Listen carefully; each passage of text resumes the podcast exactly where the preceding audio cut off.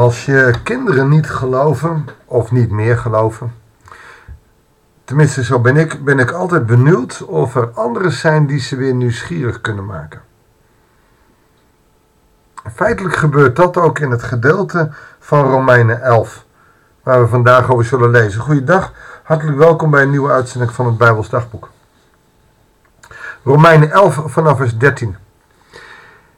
Ik spreek nu tot degenen onder u die uit heidense volken komen. Zeker, ik ben een apostel voor de heidenen, maar ik schat mijn taak juist daarom zo hoog. Omdat, opletten, ik hoop afgunst bij mijn volksgenoten op te wekken en een deel van hen te redden.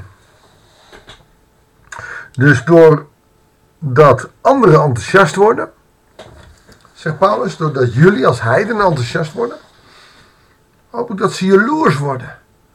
Dat jullie positief in het leven staan. En ik heb al meerdere malen gezegd, en eigenlijk ook al in, in heel veel andere uh, momenten, andere plekken, dat juist in de tijd van corona nu, mensen aan ons als christenen moeten zien wie we zijn. En dat ze jaloers op ons worden omdat wij hoopvol en positief gestemd zijn. Nou, zo doet hij dat ook bij de heidenen. Ik, ik vind het belangrijk, jullie moeten bekeren. Het belangrijkste is dat jullie tot God komen. Maar ik wil ook dat mijn volk, het Joodse volk, jaloers wordt. Als God de wereld met zich heeft verzoend toen hij hen verwierp, wie zal hij dan wanneer hij er opnieuw aanvaardt, anders teweeg brengen dan hun opstanding uit hun dood. Nou, dat is een moeilijke zin. Als God de wereld met zich. Wacht even hoor, ik, ga even terug. Als God de wereld met zich heeft verzoend. Toen hij hen verwierp. Dus zie je altijd de spanning bij dat God zegt: Ja, maar je verdient het niet en toch doe ik het. Wat zal hij dan, wanneer hij hen opnieuw aanvaardt, anders teweeg brengen dan hun opstanding uit de dood? Oftewel, hij gunt ze toch het meeste?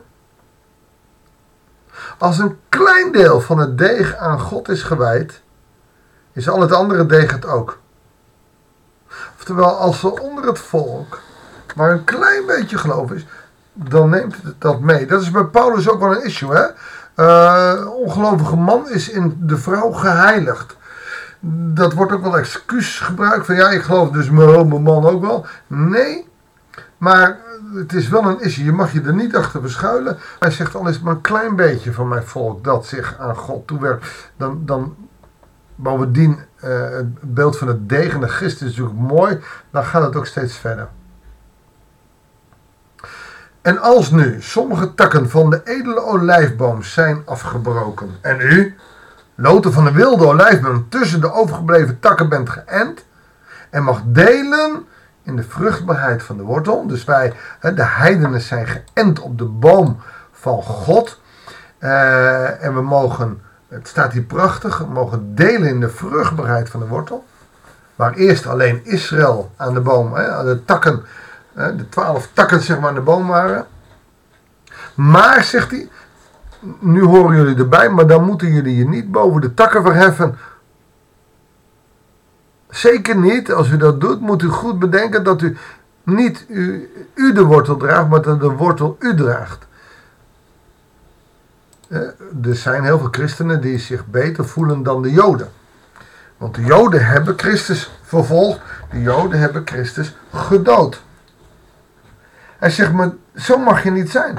Want jij bent niet de wortel. De wortel die draagt jou. Jij draagt niet de wortel. Je bent maar een lood geënt op de boom. Je bent niet van nature lid van de familie. Joden zijn het wel alleen.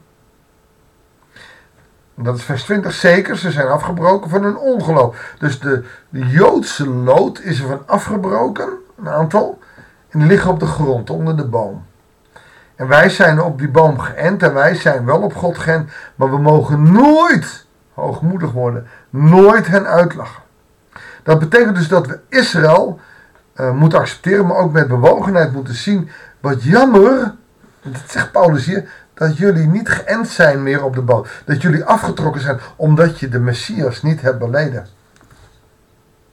Alleen christenen beginnen dan meteen, ja, jullie hebben doodgemaakt, hè? Nee, jullie moeten de, de Messias, Yeshua van Nazareth uit de 2000 jaar geleden, die moet je erkennen als je Heer en zaligmaker. En het gebeurt.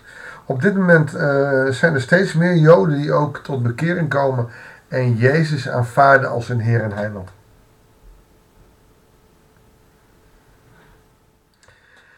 Wees daarom, zegt hij, niet hoogmoedig, maar heb ontzag voor God.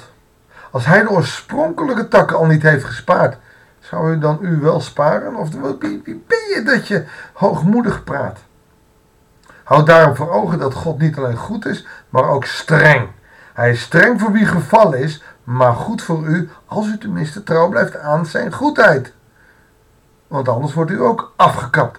Oftewel, je moet vasthouden aan Jezus Christus, onze Heer.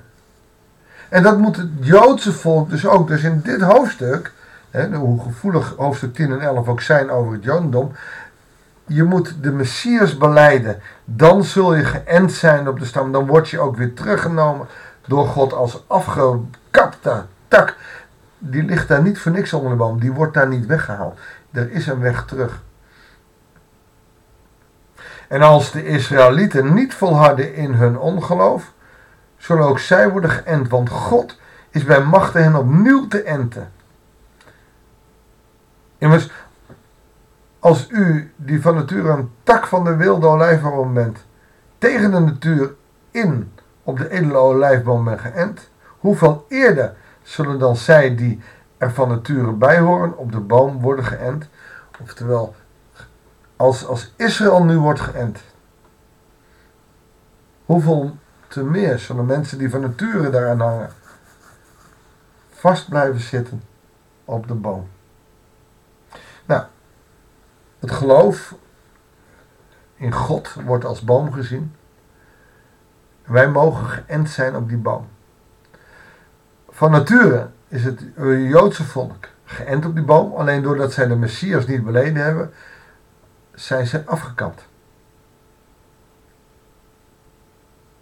Maar God wil niets liever dan ze opnieuw te enten. Dat is in de natuur uh, niet altijd even goed mogelijk. Als een tak afgekapt is, dan gaat hij dood. Maar God is bij macht om die tak toch weer op te pakken en toch weer te enten, zodat er nieuw leven inkomt. Want in Christus is leven. Hij is het water, het levende water. Dus dat zal die, die takken heen zijpelen. We moeten geloven dat het altijd mogelijk is voor Israël om terug te komen bij God. Belangrijk om de positie van Israël daarin te weten. Zoals we er nu in staan, moeten zij zich beleiden, uh, uh, of, of moeten zij Christus beleiden. Worden zij dan alle verworpen? Nou, dat toch ook weer niet, want ze zijn wel de oogappel. Alleen, we weten allemaal, het gaat niet alleen maar om de toekomst in de hemel, hoewel dat wel best wel een lange periode is, maar het gaat ook om, uh, om hier en nu. De Joden kunnen nu al een stuk beter af zijn als ze Jezus kennen. Waarom? Ze zullen de vreugde van de wet nog meer kennen in Christus. En de wet zal vervuld zijn in Christus. En ze zullen een persoonlijke relatie krijgen met God door Christus. Ze zullen vervuld worden van de Heilige Geest. Waarop ze dichter bij Christus, bij God kunnen en zullen leven. Betekent niet dat wij denken, oh we zijn er wel. Nee, wij zullen aan die relatie met God moeten werken. Zullen we samen bidden? Heer God, wij hebben u nodig, maar ook het Joodse volk heeft u nodig. Zij moeten u, Heer Jezus, leren erkennen. Wil alstublieft zorg dragen door de kracht van uw geest voor uw volk, voor uw oogappel, dat zij geënt raken op u. Heer Jezus, dat zij u aannemen als Heer en zaligmaker. Eerst zo bidden we dat voor Israël. In Jezus' naam. Amen. Dankjewel voor het luisteren. Ik wens je een goede dag, een goede week en heel graag tot de volgende uitzending van het Bijbels Dagboek.